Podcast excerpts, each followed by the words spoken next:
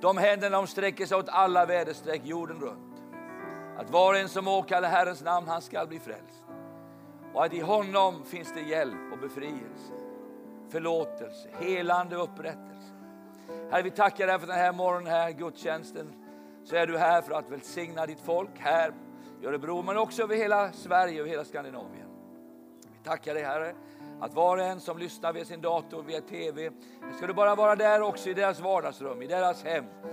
Och dra med just nu så finns du där, du kommer till dem i deras situation. Herre, vi tackar dig och vi prisar dig för allt du ska göra idag.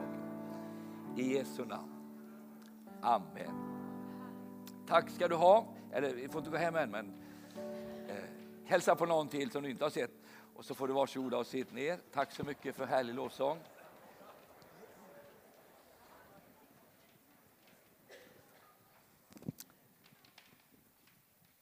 Än en gång tack för välkomstorden och underbart att vara här eh, i Örebro. Ja, min, ja, min fru Monica, ska du också ställa upp för att titta på det lite? Och så har jag August med mig här också. Han, är, han älskar vi väldigt mycket. Vi har elva barnbarn, så vi, vi är djupt välsignade. Eh, och eh, flera av dem bor här i Örebro, så vi är så glada att vi har barnbarn med här idag. Vår dotter Pernilla och familj. Och, och vi, vi, tackar Gud för våra barn. Det är, det är fina. Men ju äldre man blir, ju mer dyrbara blir barnen också. Eh, och barnbarnen blir ju bara juveler och guldklimpar. Så det är fantastiskt. Eh, idag innan jag börjar så ska jag bara, bara helt kort berätta, jag, som jag sa igår, jag har precis kommit tillbaka från Mongoliet. Det är ett land som, eh, du kanske har hört talas om Genghis khan, eh, Eh, som åkte över hela världen och gjorde världen osäker på 1300-talet. Genghis khan var ju en stark härförare som bara drog igenom allt, han besegrade allt, ända han gick tror jag, nästan ner till Spanien tror jag. Han var och eh, intog Europa och alla fruktade Genghis khan. Han hade en son som sedan kom efteråt och när han fick se kristendomen i, i Europa så sa han så här, kan inte ni skicka några missionärer hit till Mongoliet så ska vi alla bli kristna här, sa man hade ju inte val på den tiden, man bara blev. Men ingen kom. Och då blev det buddhistiskt istället. Och sen har Mongoliet varit ett, ett ökenland, ett andligt ökenland i många år. Och tills för 20 år sedan så fanns det nästan inga församlingar alls i hela Mongoliet. Eh, jag träffade en man bara för några dagar sedan. Han berättade att de började trycka biblar innan det fanns kristna i landet. Och så skickade man i biblar i många år. Och jag minns, eh, eh, vad heter hon, eh, Solveig, eh, svensk fru här. Hon sa till mig, vi måste göra någonting för Mongoliet. Så hon. Jag har följt Mongoliet. Jag tänkte, vad ska vi göra i Mongoliet? Och vi hade liksom, jag kände ingen Mongoliet. Och en dag bara så fick, vi, fick jag bara ett, ett, brev från Mongoliet att vi vill att du ska komma till Mongoliet. Och jag kommer dit och eh, eh, skulle ha ett möte där på ett hotell och så kommer en kille fram. Får jag träffa dig och ha frukost med dig? sa han. Ja, det, frukost är aldrig fel. Så vi träffades där och så berättade han. Ja, jag var på eran bibelskola i Ryssland, sa han, för några år sedan. Jag och 60 till härifrån Mongoliet som hade blivit frälsta och vi, vi ville höra Guds ord. Vi gick på på bibelskolan i Abakan i Sibirien. Och jag kommer ihåg den här, den här bibelskolan, hur vi slet för att komma dit och hur jobbigt det var att komma dit och allt det där tuffa. Men vi började en bibelskola och eh, de gick där i två år, de nästan svalt ihjäl allihopa. Det var så lite mat och det var kris i Ryssland med mat. Och... Men så åkte vi hem sa de och så startade en församling med sex stycken. Och nu är vi 1500. sa Wow, det man blir bara så glad. Och, eh, och så undrar om vi kunde komma tillbaka. vi har ju varit där några gånger och faktiskt nu i söndags var det 20-årsjubileum eh, på, på den här församlingen och nu är de nästan 2000. Vi var nästan 3000 på mötet förra söndagen. För förra söndagen var jag i Mongoliet och predikade. Och jag tror jag har lite, det är en väldigt annorlunda sång hur man sjunger och spelar i Mongoliet. De har något som heter throat singing. De sjunger med halsen, inte med munnen utan med halsen. Jag tror vi har ett litet klipp här. Vi ska se om vi kan få lite throat singing. Sen ska Per-Åke och jag sjunga duett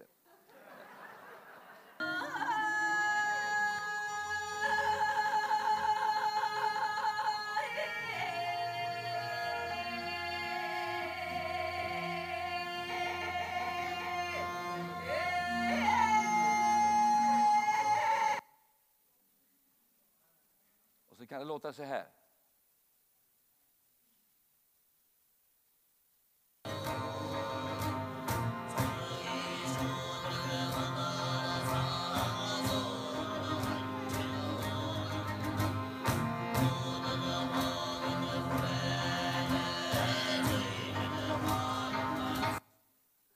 Och sen tror jag jag har en bild på pastorn där och hans familj. Som heter, han heter pastor Buttbold. Där är han. Och hans fru. Och en av deras barn. Tyvärr så förlorade de en son för några år sedan. Han dog i cancer, blodcancer. Men eh, han har byggt den här församlingen. Eh, och idag finns, hör, ska du höra här, han har startat 48 församlingar nu. Och vi hade alla 48 församlingar på mötet här i söndags. De kom varje församling hade en egen flagga. Så ställde de sig upp och jag, jag bara grät. Jag tänkte, tänk hur det kan se ut. Folk bor ute på landet i såna här hjortar. Ska vi se, jag tror vi har en bild på en sån här liten... Eh, jag tror, visst hade vi det, det där ja. Så där bor man så dricker man hästmjölk. Och det smakar något i hästväg om man säger så. Jag kan inte rekommendera, det, det är där man tappar håret liksom. Det står det är otroligt. Men där inne, så där bor folk på vintern, det är minus 40 grader. Och man bor i de där tälten, så har man en, en eldstad mitt i tältet och så eldar man. Och man har inga toaletter, man, har, man bara har hästar. Och sen, jag frågade, kan man gå på toalett? Ja, det ställer bakom hästen, sa han. Det är fritt här, vi har ett helt land med toaletter, så han bara ställa sig var som helst. Det är lite annorlunda än vad man är van vid då. Och, och bo sådär, men, men vilket fantastiskt folk. Och, och, nu är det väckelse i Mongoliet. Alltså det är väckelse i Mongoliet. Alltså det finns, amen. Den här brodern har vi Jesus en applåd. Han har startat 48 församlingar, men i Mongoliet idag finns det 600 församlingar. I ett land där det för 20 år sedan inte fanns nästan en enda församling, en handfull kristna. Idag är det tusentals mongoler som möter Jesus och som predikar Jesus. De skickar ut egna missionärer nu. Den här veckan är de i Afghanistan och predikar. Och de sänder via internet deras möten. Över 3000 följare över hela världen, mongoler över hela världen som följer den här väckelsen. Och det har brutit igenom, det var operasångare som har blivit frälsta, kända musiker. De hade en konsert förra lördagskvällen som var outstanding. Det var inte bara sån här musik utan det var sån här vanlig musik också. Men det här är lite folkmusik, så hur, hur det låter. Alltså det är helt otroligt vilket folk. Jag har aldrig varit med. De pratar... De, är som, de låter som de är arga hela tiden, men de är inte det. Tror jag i alla fall. Men det är ett fantastiskt folk och, då, och, då, och, och de har, Gud har lagt hela världen på deras hjärtan. Så be gärna för Mongoliet. Därför vi vet också att nästa, om några år nu så dör Dalai Lama, han har inte så många år kvar. Och när han dör då kommer Indien avbryta hyreskontraktet med Tibetmunkarna eh, som från indiska sidan och då vill de flytta hela Dalai Lamas verksamhet till Mongoliet. Vilket vore en katastrof för att det är en väldigt stark anden, andlig eh, alltså potential i det med, med Dalai Lama.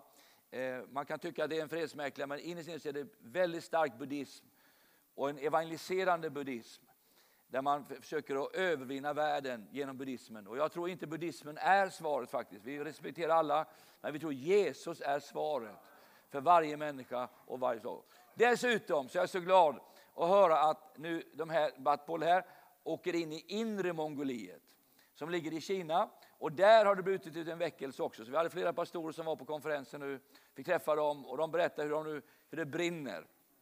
Det, det är så härligt. Jag, blev, jag berättade för Per-Åke här igår och eh, jag tycker det är så kul ibland att man, ibland får man ett ord från Gud. Jag, när jag kom till honom första gången så sa han så här, Karl jag var i Sibirien och lyssnade på det en gång och Gud förvandlade hela mitt liv på en predikan. Sa han. Och så vilken predikan var det? Och så höll han hela min predikan. Och det här var liksom sex år efteråt. Det är inte alla som kommer ihåg en predikan sex år. Va? För ibland går bara till måndagen borta, va? eller hur? Men, men, och, så, ja, så, vad var det? och så predikade och jag, började full, jag blev så full i skratt. Så, så, ja, den är jättebra den här predikan, men den är inte min, den har jag stulit. Från John Osteen. Och jag lyssnade på den 40 gånger på ett band när, när, när på, på, i början av 80-talet. Och så började jag predika den här predikan på ett eget sätt, men ändå med de där punkterna. Och han så sa han, du behöver inte ta den predikan i Mongoliet, för alla känner till den här. Så, så det, det, var liksom, eh, Helt, helt fantastiskt. Eh, jag ska akta så inte ramla ner här. Det, är nya, det var alltid en trappa här förr i tiden. Jag gjorde det en gång på ett möte, det var två meter högt, jag föll ner och bröt fyra revben. ska vi inte ha här idag på förmiddagen. Eh, men så, jag vill bara lägga det här på ditt hjärta. Be för Mongoliet. Be att Gud bara får fortsätta arbeta. Det är ett självständigt arbete, men de har fått tag på det som vi ville ge dem för 25 år sedan. Och, och, och nu är de, har de en egen som ett 20-årsjubileum och träffade Bible Society-ledare. Alla samfundsledare är ense och de är vänner. Alla personer i Ulan Bator spelar fotboll varje söndagkväll ihop. Det kan man avgränsa på allt som har hänt. Men de är sådana goda vänner som till och med spelar fotboll ihop. Varje söndagkväll möts alla pastorerna i Ulan Bator och spelar fotboll. Så jag har varit med några gånger där och det är helt underbart. Jätteduktiga men, men, men, men härliga, underbara mongoler som möter Jesus djupet av sina hjärtan och som idag är ett evangeliserande folk, missionerande folk. Ska vi ge Jesus en applåd för det? Be gärna för det. Det är fantastiskt härligt att få vara med. Idag den här förmiddagen, jag ska inte predika så länge, Jesus kommer snart och tiden går här. Och vi är på tv och du som är med oss var du än är på kanal 10, välkommen. Idag så skulle jag vilja tala inte om evangelisten, inte om aposteln, inte om profeten, inte om pastorn, inte om läraren. Jag skulle vilja tala om ett annat folkslag som vi har i alla våra församlingar. Och det är de här människorna som finns bakom kulisserna. Jaha, vilka är det? De som sitter bakom kamerorna, de som är här klockan nio på morgonen, eller åtta på morgonen och öppnar kyrkan där ingen annan är här. De som stänger kyrkan när alla har gått hem. De här som kommer och är söndagsskollärare, de som tar upp kollekterna, de som är här, de har inte en krona betalt. De gör det här bara för att de älskar Jesus. Och det är de människor jag skulle vilja tala om här idag. Alla våra församlingar är fulla av dem. De finns i varenda församling här i Örebro. De finns hemma i Uppsala, de har märkt att de finns över hela världen. Det är alltså människor som ger sina liv månad efter månad, år efter år och tycker det är fantastiskt att få tjäna Gud. Därför att man har Herrens hus kärt. Som David hade Herrens hus kärt. Och tänk att få ha Herrens hus kärt. Tänk att få vara, vara med i en församling. Tänk att få vara med och tjäna i en församling. Oavsett om man har betalt eller inte så är man där för att vi älskar Gud. Och det är dem jag ska tala om lite här idag. Bibeln är också full av, de finns ju faktiskt i Bibeln, jag brukar kalla dem osynliga men de odödliga. De, de har ibland, vissa har inte ens ett namn. Tänker på Jonatans vapendragare.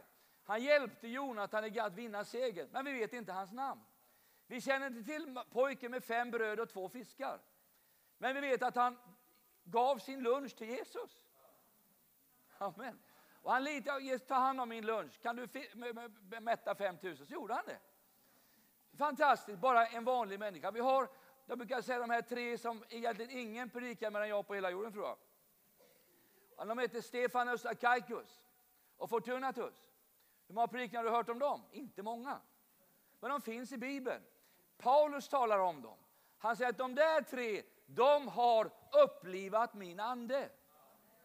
De hade ingen egen bok, de hade inget minnesliv, men de fanns där och de tjänade Gud med glädje. Halleluja! Det står att de var addicted to serve the saints. Alltså de var, vad ska man översätta det? Addicted, det låter ju nästan hemskt. Motiverade, drivna av att betjäna andra människor. Och det är lite de där, jag tänker på de där som, jag tänker på eh, Simon från Syrene. Ingen egen bok i Bibeln, men han bar Jesu kors upp till Golgata. Fantastiskt. Jag tänker på Josef från Arimathea. Vem var det? Ja, han hade en grav. Som sa, ja, men ni kan få ta min grav. Någon som frågade, men du ger bort en sån dyrbar grav, det kostar mycket pengar. Ja, det var ju bara för en weekend.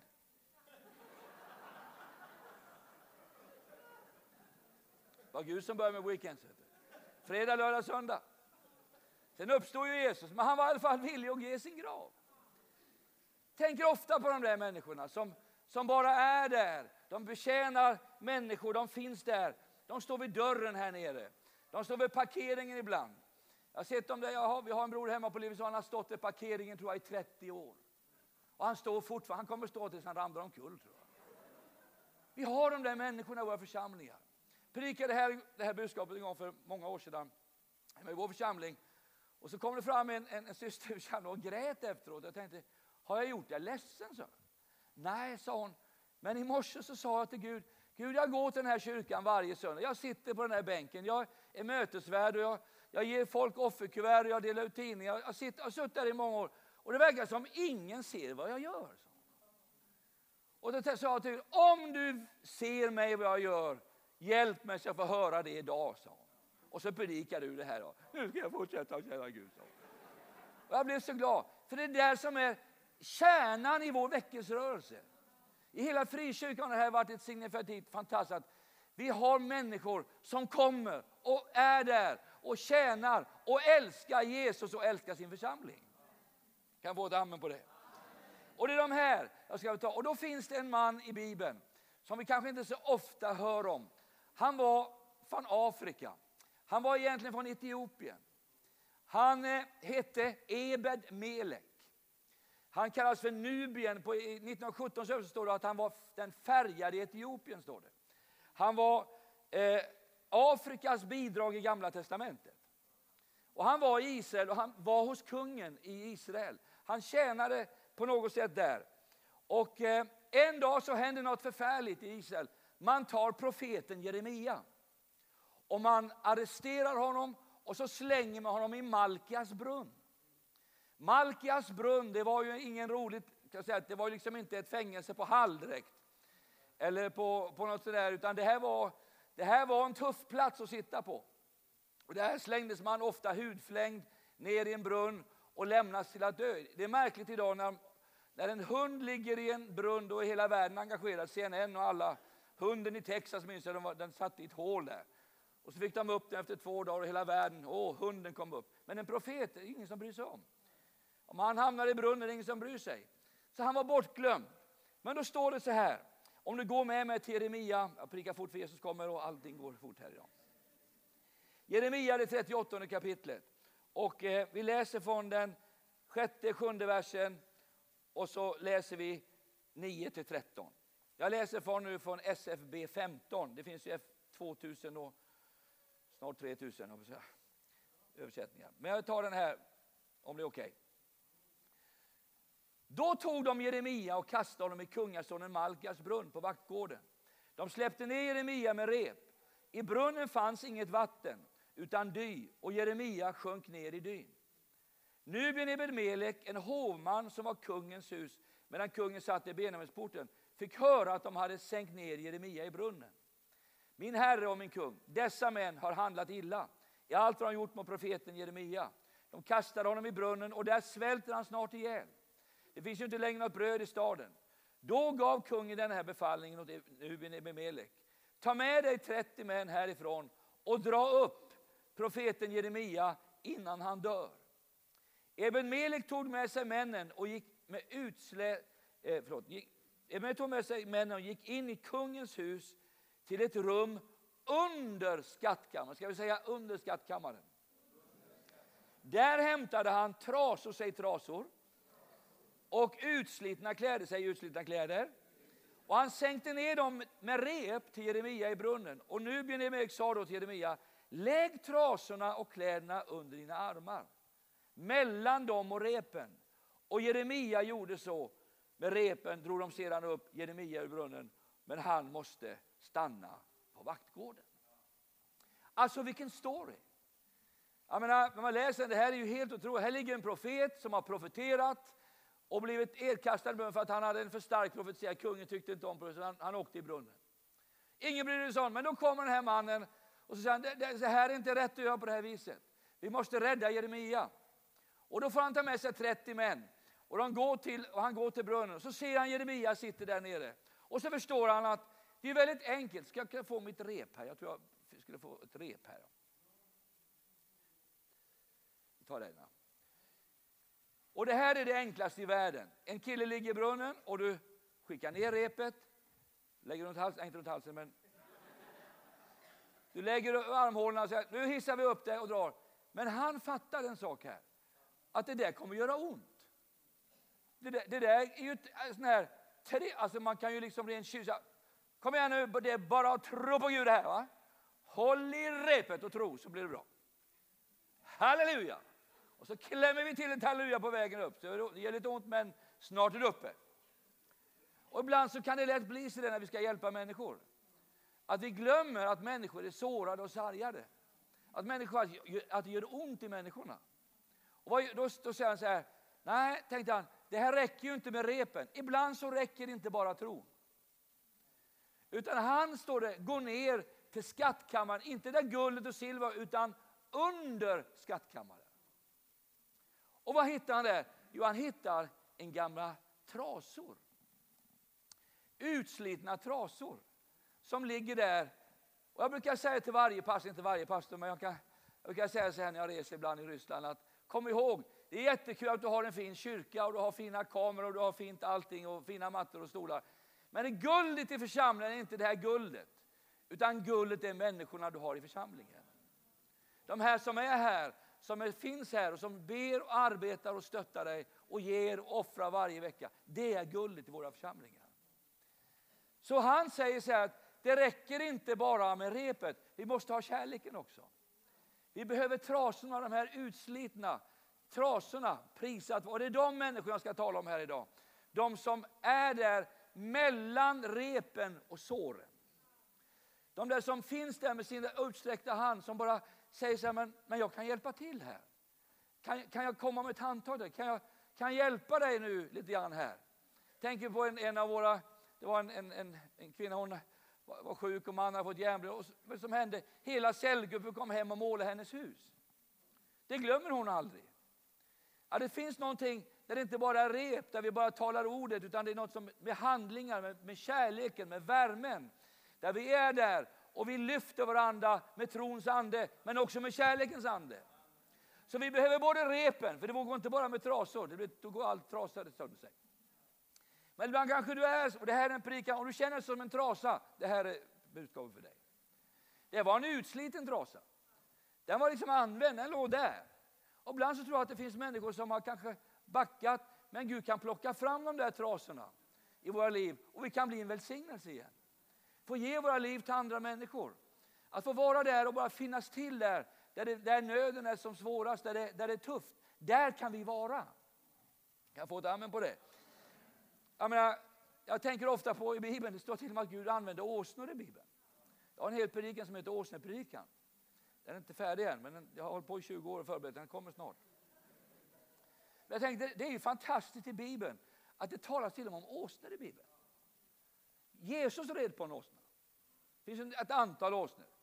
Och Biliam fick verkligen uppleva hur en åsna såg en ängel stå framför honom med dragelse, men en profet, det är det väldigt allvarligt när en profet inte ser att det står en ängel, men åsna ser bättre i anden än profeterna. Det är allvarligt läge. Eller hur? Men den åsnan jag tänker på mest är den där åsnan som vi har inget namn på. Han tjänade sin mästare hela sitt liv. Han var där och till slut så dog han. Han blev säkert uppäten. Man åt upp honom och man lämnade bara hans benknotor. Så kom hundarna och tog benknotorna. Men så var det ett, ett, en plats på honom som ingen ens, inte ens hundarna åt upp. Och det var åsnekäken. Och den låg ut med vägen, bortkastad, bortglömd. Tills det kom en som hette Simson förbi och slog 1000 filister. Den åsnan hade sin starkaste tjänst efter han dog. Det säger man, det är aldrig för sent att börja tjäna Gud, eller hur? Jag sa, det är aldrig för sent att tjäna Gud. Det är aldrig för sent att ge sitt liv för någonting annat. Men jag vill säga det här att Eben Melek, han såg inte bara behovet och ett enkelt sätt att lyfta människor. Han såg också vikten att det fanns trasor mellan såren och repen. Och det är de människorna som jag ska bara helt kort vilja nämna för dig om några minuter här. De här människorna som är där, jag har mött dem i mitt liv många gånger. Det var flera år sedan när jag hade, var med om något som alldeles förfärligt, jag förlorade min röst. Det är nog bland det värsta man kan vara med om som predikant, att rösten försvinner. Och jag stod där och jag var som en, liksom en... Jag kunde inte ens be. Jag kunde inte ens jag fick inte, det, bara, det kom ingen röst, det bara var tomt. Och jag skulle till Kina och predika och jag, jag kunde inte predika i, i, i Hanzhou. Så jag sa till den kinesiska pastorn, jaha, jaha, du. Och så sa han, Och så var det iväg till sjukhuset. 3000 patienter. Och jag hamnade på något som heter VIIIP. Så kom jag in snabbt. Så kom det en läkare och tittade på mig och Och så sa hon bara öppna munnen och så tittade hon ner. Okej, okay, det, blir, det blir undersökning. Jaha. Så kommer det in en annan läkare med ett plastskynke, ser ut som en slaktare. Med en lång svart slang så här. Och den här ska vi köra ner i din mage nu, sa hon. Och jag tänkte, nu är jag frisk. Verkar man kan känna sig frisk snabbt på en gång. Liksom, men det, det hann ju inte, de bara liksom gav mig någonting, så var jag borta, sen var det klart, jag visste inte vad som hände. Så jag var nere på någon kamera i magen och lyste och grejer där. Då. Så sa de att ja, det där, är, det där, det där ser inte bra ut, sa de. Nej, det har jag förstått. Och så hade jag fått, jag vet inte, hittade flux eller någonting, hade kommit upp från mag, halsen, förstört halsen. Så det, det kan bli en lång, lång, och jag gick hem och jag kunde inte prata. Jag kom hem och tänkte, åh. Och en dag när jag var, hade som värst i trädgården så sa jag till Gud, jag måste få tillbaka min röst. Min röst är mitt liv, sa jag. Då sa Gud, nej det är det inte, det är jag som är ditt liv. Inte din röst. Du kan känna Gud utan röst. Okej. Okay. Men så en dag så knackade det på dörren, det här var i maj. Så kommer det en av våra församlingsmedlemmar som aldrig har stått, stått, stått i en plattform, aldrig har tagit en mikrofon. Men så, han så, här, så hade han blommor med sig. Så, så, jag brukar inte tycka om blommor så där jättemycket, de dör ju på en dag. Liksom. Men det var så fantastiskt att bara få den här blomsterbuketten. Och så sa han bara, jag har bara ett ord till dig, sa Du kommer bli bra med din röst, hej då, så gick han. Och nästa dag var rösten tillbaka. Vet du vad det var? Det var en trasa som var där och som bara uppmuntrade min ande. Vet du, det står ju faktiskt när Paulus kom till Italien, han var rest över hela Medelhavet, han var trött, han var sliten. Så står det några bröder där på Italiens jag tror Amfia tror det heter. De hade gått 30 kilometer i värme ner från Rom, det fanns ju inte bilar att åka dit. Va? Det är som att åka till Hallsberg. Va? Och gått ända dit i värmen och så säger de bara så här, hej Paul, roligt att se dig. Och då sa när han fick nytt mod när han såg bröderna. Och ibland kan man ju tappa mod när man ser vissa. Va? Eller hur? Men inte, det ska inte vara så att vi tappar mod när vi kommer till kyrkan. Är du med mig? Jag sa det igår, vi ska bli upplivade, inte avlivade. Det finns en livgivande tjänst i Kristi kropp. Den där värmen, den där kärleken som bara är där och som inte kräver massa tillbaka. Som inte, det, det gäller mig, det, nu när det gäller det andra. Som presidenten sa i Amerika, titta inte vad ditt land kan göra för dig, utan titta vad du kan göra för ditt land. Det finns något underbart att få komma och ge någonting till kyrkan när man kommer till kyrkan. Jag fick ett ord av min pastor för många år sedan. Han sa så här, när du är ute och reser bör du inte sitta på ett hotellrum hela tiden. Utan gå ut och titta på stan. Och det var ett bra råd, för jag hade liksom låst in mig i några år. Inte några år, men inte i sträck. Men oftast var det bara flygplatser, möten och hotell. Men så tänkte jag, jag ska gå ut och titta. Så jag hamnade i San Diego.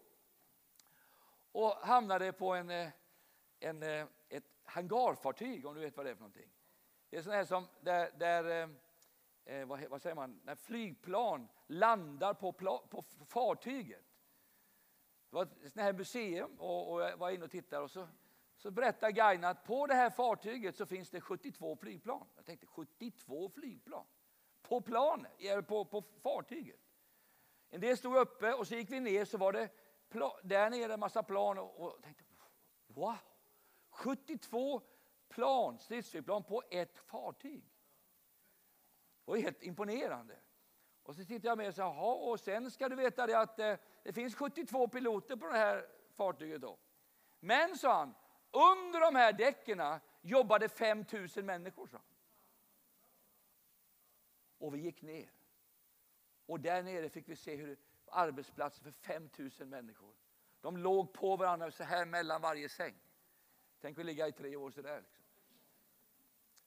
Men sällskap ska man inte ha då. Inte. Jag tänkte den armén ska inte jag bli så låt Men jag tänkte, gick upp, kom upp, så åkte jag hem och så såg jag en sak. En story som fick min attention.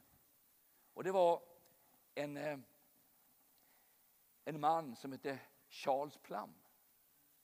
Som var på ett av de där skeppen. Han var pensionär nu. Han hade varit ute i, som, som, som, stridspilot. Och eh, var hemma, satt på ett café. Så kommer en man, en gammal man också fram och säger Hej, visste du Charles Plum? sa den här gamle mannen. Ja, sa han. Visst var du pilot på det där fartyget? Ja. Visst eh, flög du över jorden och du blev nedskjuten? Ja, och din fallskärm vacklade och du föll ner i djungeln? Ja. Och du satt i fängelse i sex år? Ja. Varför frågar du det? Och sen kom du hem? Ja. Ja, vad, ja, vad är det här? Så säger den här mannen, vet du, jag jobbade på samma fartyg, sa Det var faktiskt jag som packade din fallskärm, sa Och det verkar som den funkar bra. Och då förstod Charles Plum. Wow, det fanns en man som stod där nere som jag aldrig såg bakom kulisserna. Och det enda han gjorde var att packa fallskärmar. Men det räddade hans liv. Charles Plum började gråta, han blev så rörd så han fick ett budskap som han åkte över hela världen som pensionär och berättar. Det är någon i ditt liv som pack, har packat din fallskärm. Och jag började tänka, wow, så är det ju. Det finns människor och församlingar som med sina böner, med sina offer, sina gåvor packar församlingens fallskärm. Och jag blev bara så tacksam och tänkte på min packade hemma, min fru då. Hon bara inte packa min fallskärm, hon packade min resväska också. Och jag, ska, jag vågar kanske säga det här, men jag har nästan aldrig packat en enda resväska. Jag gjorde det för några veckor sedan och då hade jag bara kalsongerna med mig. Sorry Pernilla. Det blev problem. Men hon har inte bara packat min, min resväska. Hon har ibland när jag stått där och ska hoppa ut alltid sparkat iväg mig. Hon har funnits där hemma när jag har rest i 30 år med barnen, med allt det här vad det innebär, jobba på sjukhuset, på nätterna, hemma, aldrig klagat, aldrig sagt någonting negativt om det jag håller på med. Jag är så glad Monica att du nu och jag, vi tillsammans kan åka ihop. Det är vi så glada för. Halleluja. Vår yngste son gifte sig förra året. Amen. Och det var fantastiskt. Och vi, vi kan resa tillsammans. Vi bara njuter av det här. Jag tackar Gud för henne. Att hon fick packa min fallskärm under de där åren. Och, och, jag är så glad att hon nu ut, Vi var i Vietnam här förra året och hon, jag kom ner några dagar senare och hon hade haft ett kvinnoseminarium så sa de du, eh, vi måste vara ärliga mot dig Carl Gustaf. Din fru predikar mycket bättre än vad du gör. Så. Vad härligt. Men eh, vilka, vilka, oh, tänk på det, du har människor i ditt liv som packar din fallskärm. Man tar dem för givet, men vi ska inte ta varandra för givet. Det finns människor i våra församlingar som är där, som faktiskt packar fallskärmarna. Jag, jag är själv så välsignad också att Monikas mamma som är min svärmor Siv, hon är 91 år. Hon blir 92 nu. Eller? April ja. 92 år. Du, hon är varje dag nästan på Livets Ord och bred smörgåsar på bibelskolan. Om du sätter henne här i plattformen, då dör hon. Men i köket är hon kungen. Jag var nere nu i veckan, tog ett kort på henne och och hennes kompis Auli som är 92 också. De står där bägge två. Och de brer och det går snabbt. Vet du. Ja, det, de har löpande bandsprincipen och osten och skinkan bara ligger tju, tju, tju, Och det här är det tjövrom. Kommer med rullatorerna ner. Vet du. Halleluja. Men de vill tjäna Gud. De packar fallskärmar. Och jag är så glad för den familjen, för jag ser att i den familjen finns det ett arv som har gått över 300 år som kristna. Det är väldigt gripande man tänker på det. 300 år av kristendom. Alla har de haft en tjänande attityd. Alla har de haft det här. Kan vi hjälpa till? Kan vi baka lite? Kan vi vara där? Vi finns där vid trossen. Och det är de människorna jag pratar om idag. De som är mellan repen och såren. Halleluja, du har dem säkert i ditt liv, eller hur? Jag tänker ofta på, på Monikas moster Mary som bodde med oss som har, när, när vi bodde i vårt hus i Uppsala så, så sa min lille son pappa du måste ta hand om Mary, liksom. så. Absolut. Nu bygger du till en tillbyggnad så hon kan bo hos oss. Okej. Okay. Så hon flyttade in 83 år var hon när hon kom. Och eh, vilken välsignelse det var. Tänker du, varför, varför bjöd ni in en, en 83-årig kvinna att bo i ert hus? Det var väldigt enkelt. Därför att hon var ensam, men inte bara det. Ja, men, det finns ju annars. men det var någonting som hände med oss när vi var unga. När jag började som evangelist, som 20-åring, så, så då, då, hade inte vi det så fett kan jag säga. Vi, vi, vi slet faktiskt ganska rejält för att få livet att fungera. Och det var inte helt enkelt. När vi fick lönecheck, pengarna varje månad, när, när hälften gick till hyran och 30 till skatt så var det 20% kvar. Och vi hade, skulle få ett barn och, och, det var, det var liksom inte helt lätt. Jag glömmer aldrig när, när det ringde på dörren. Vet som stod där? Det var Mary som stod där. Med ICA-påsar. Och så ställer hon, det här ska ni ha. En dag så kommer hon in och ni har ju inga möbler i ert hus. Ja, det är en rätt profetia, så. Nu åker vi till Ikea, så. Och så pekar ni ut vad ni vill ha så köper jag det till er. Hon fyllde vårt hus med möbler. Våra barn fick sängar, våra, vi, vi fick någonting. Och det var inte en gång, Monica, hur många gånger kom hon? Det var gång på gång, vecka efter vecka, åkte hon buss och bar hem mat till vår familj. Så vi tänkte, och hon packade verkligen vår fallskärm de där åren. Så vi tänkte när hon blir gammal, då ska vi packa hennes fallskärm. Hon var hos oss. Och jag sa till Mary, du får bo så länge du vill, så länge, tills du dör. Hon verkar ju aldrig dö. Men hon stannade och hon, hon fortsatte att tjäna Gud. Glömmer aldrig när hon stod och strök de här små grejerna som var på kafeterian i kyrkan. Där stod, de här, vad heter de, löpare eller vad heter de? Springare eller vad? Vad heter de Olga? Bordsdukar, små sådana här. Heter inte löpare? va? Ja, titta. Ja.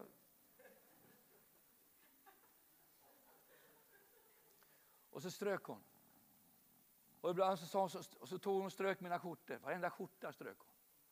Hon tvättade, ibland var ju kläderna för små för hon hade satt på hög värme, men det, det var ju som det var. Och en dag så ser jag henne ute i trädgården. Klipper häcken. 92 eller 93 var hon. Och sa Mary, du klipper inte häcken här. Mina grannar kommer att bli arga, men här sitter jag inne och läser Bibeln och du är ute och klipper häcken. Förstår du? Så tittar hon på mig. Gör det du har kallat dig så skickar jag resten, fixar jag resten. Och jag tror jag har en bild på när hon står här och klipper, klipper häcken. Ska ni få se den. Jag tror jag, hade vi inte en bild på Mary? Där är hon. Hon har häcksaxen, hon har rullatorn alldeles intill. Och hon var där därför att hon älskade Jesus. Hon hade en egen dator, hon var ute på Facebook varenda dag. Vet du. Skickade arga brev till chefredaktörerna på tidningarna i Sverige för att de inte ställde upp för Israel. Och hon, var, hon var väldigt aktiv hela tiden. Och en dag så flyttade hon hem till Herren. Och vad vi saknar henne. Och jag säger så här, om vi ska leva om hundra år som frikyrkor så måste vi ha lite Marys bland oss. Måste vi ha de här människorna som kommer, som tjänar och betjänar. Eller hur? Alltså, eller hur? Tänker ofta på en annan broder som jag också, du kan ta bort den här bilden. Som jag, eh, Per-Åke, du är från Borås och du känner till de här trakterna. Jag fick ett telefonsamtal för några år sedan från en, en, en man som heter Fiskolle. Och eh, han är från Alingsåstrakten. Eh, och jag, han är, när jag jobbade i fiskhamnen så var han alltid där. Och vi fiskade, han sålde fisk och köp, körde fisk. Jag jobbade lite grann i hamnen på sommaren när vi träffades. Så, så jag har inte sett honom på många, många år. Och sen en dag så ringer telefonen och så sa han Hallå, hallå, hallå! Han sa alltså Hallå, hallå, hallå! Det är Fiskolle! Nej men Fiskolle, vad roligt att höra. Nej men, hur är det? Jo, det är härligt här. Det är härligt, härligt, härligt, härligt. Ja, jag ringer från Missionskyrkan. Ja, vad, vad roligt då. I Risveden. Kan du komma och predika? Alltså, Risveden. Så jag såg på GPSen, not found stod det. Vad va är, det? vad är Risveden? Frågade. Det finns inte på GPSen. Nej, det finns inte, men vi har Anten. Jaha. Och vi är missionskyrka där, sa han. Du vet Missionsförbundet. Vi är åtta medlemmar, alla är inte aktiva. Jag tänkte, åtta medlemmar, alla är inte aktiva. Det låter speciellt. Alltså det mänskliga där, ska jag verkligen åka dit? Liksom? De sa att du ska göra det som är viktigt, som är roligt, men det här verkar ju roligt. Så säger han så här, ja, vi ska ha tältmöten. Jag tänkte, åtta medlemmar, alla är inte aktiva. Ska ha tältmöten. Vi planerar att köpa ett tält för 300 alltså. Jag tänkte, Jesus. Men, sa, men vi ångrar oss, vi köpte ett för 450 istället. Så. Vi måste ha tro på Gud.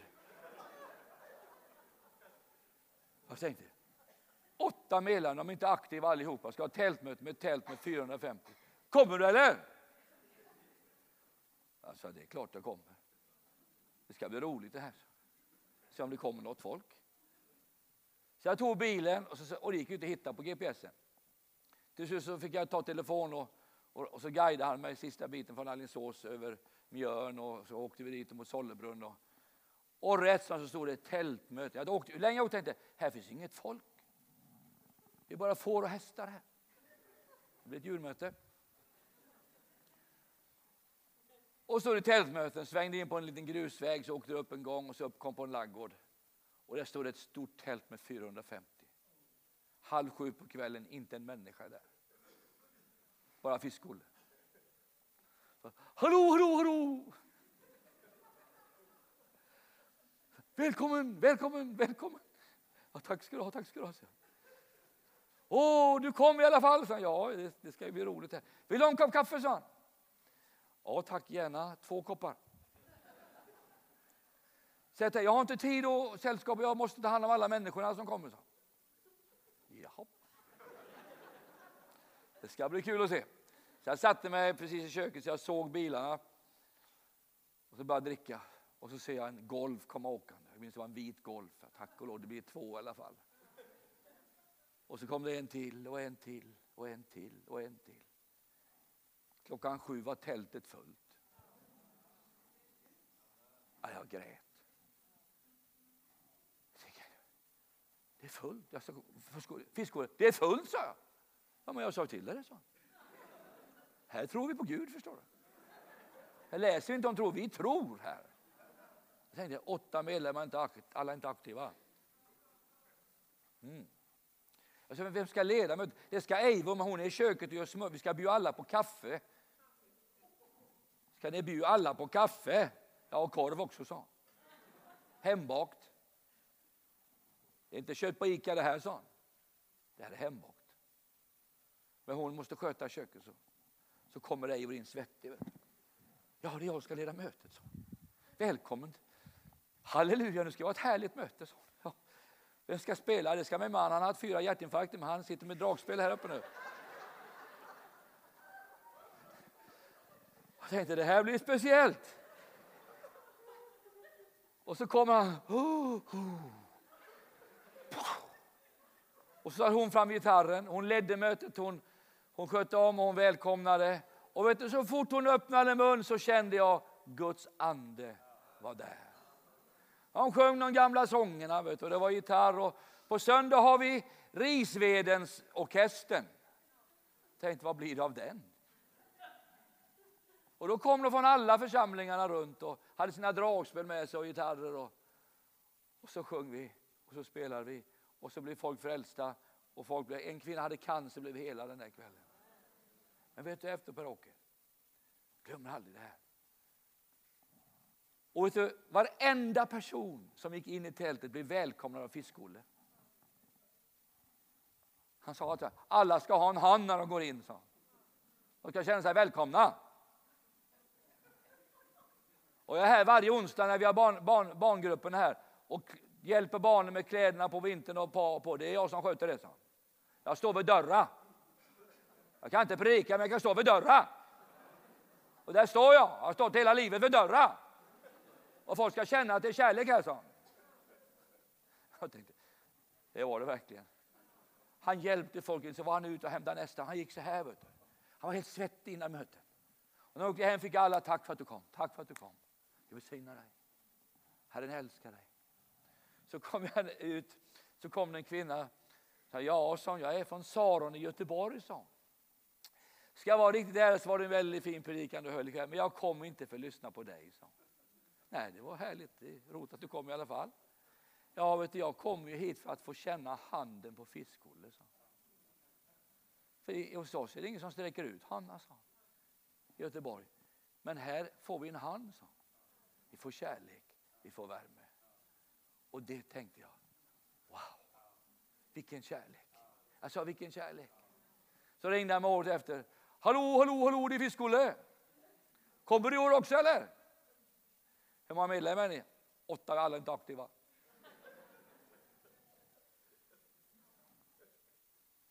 Tänkte jag.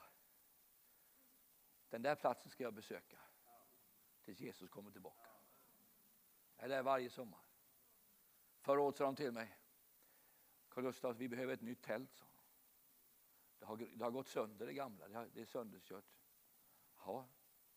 Kan du hjälpa oss få tag på ett tält? Och jag hittade ett tält i Norge. Nu köpte de ett tält som var nästan helt nytt för 700 sittplatser.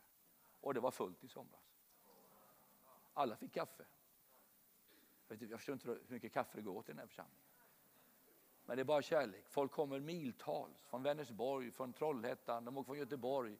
Bara att få känna värmen och kärleken i en liten missionsförsamling ute på landet.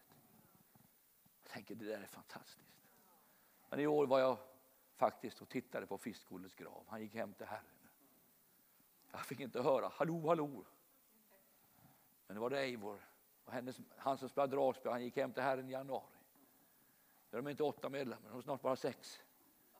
Men nu är alla aktiva. Men inte bara det, folk har bara kommit och olika vi vill hjälpa till. Om de här kan göra det här. Vi, orkar inte, alltså vi är stora församlingar på 400, ingen orkar ha några tältmöten, men den här lilla församlingen driver de här tältmötena varje år. Jag tänkte det där är fantastiskt. Det där är frikyrkan när frikyrkan är som bäst. Och det är sådana människor vi behöver nu och hundra år framåt i tiden. Kan jag få ett amen på det? Vi är kallade att tjäna, betjäna och vara de här trasorna. Ja, men jag är bara en trasa. Ja, men det finns användning för dig. Ja, men jag, jag kan inte prika. Ja, men det finns användning för dig. Vad du än gör för Jesus i den här församlingen, tacka Gud att du får vara där. Vi behöver med dig. Och jag tror jag har en bild på Fiskskolan innan han gick hem där. Där är han. rör. Där står vi i tältet och sen flyttade han hem till Herren. Och nu står han nog i himlen och välkomnar alla till himlen. Han ska stå vid dörren. Det är någonting med dörrar där nere förstår du. Det första folk möter så möter de dörrar. Det är inte dörrvänd och gå hem utan välkommen till ditt hem. Kan jag få ett amen på det? Gud välsigna dig att vara en Ebed Melek. Säg till din granne det är kul att få hjälpa till.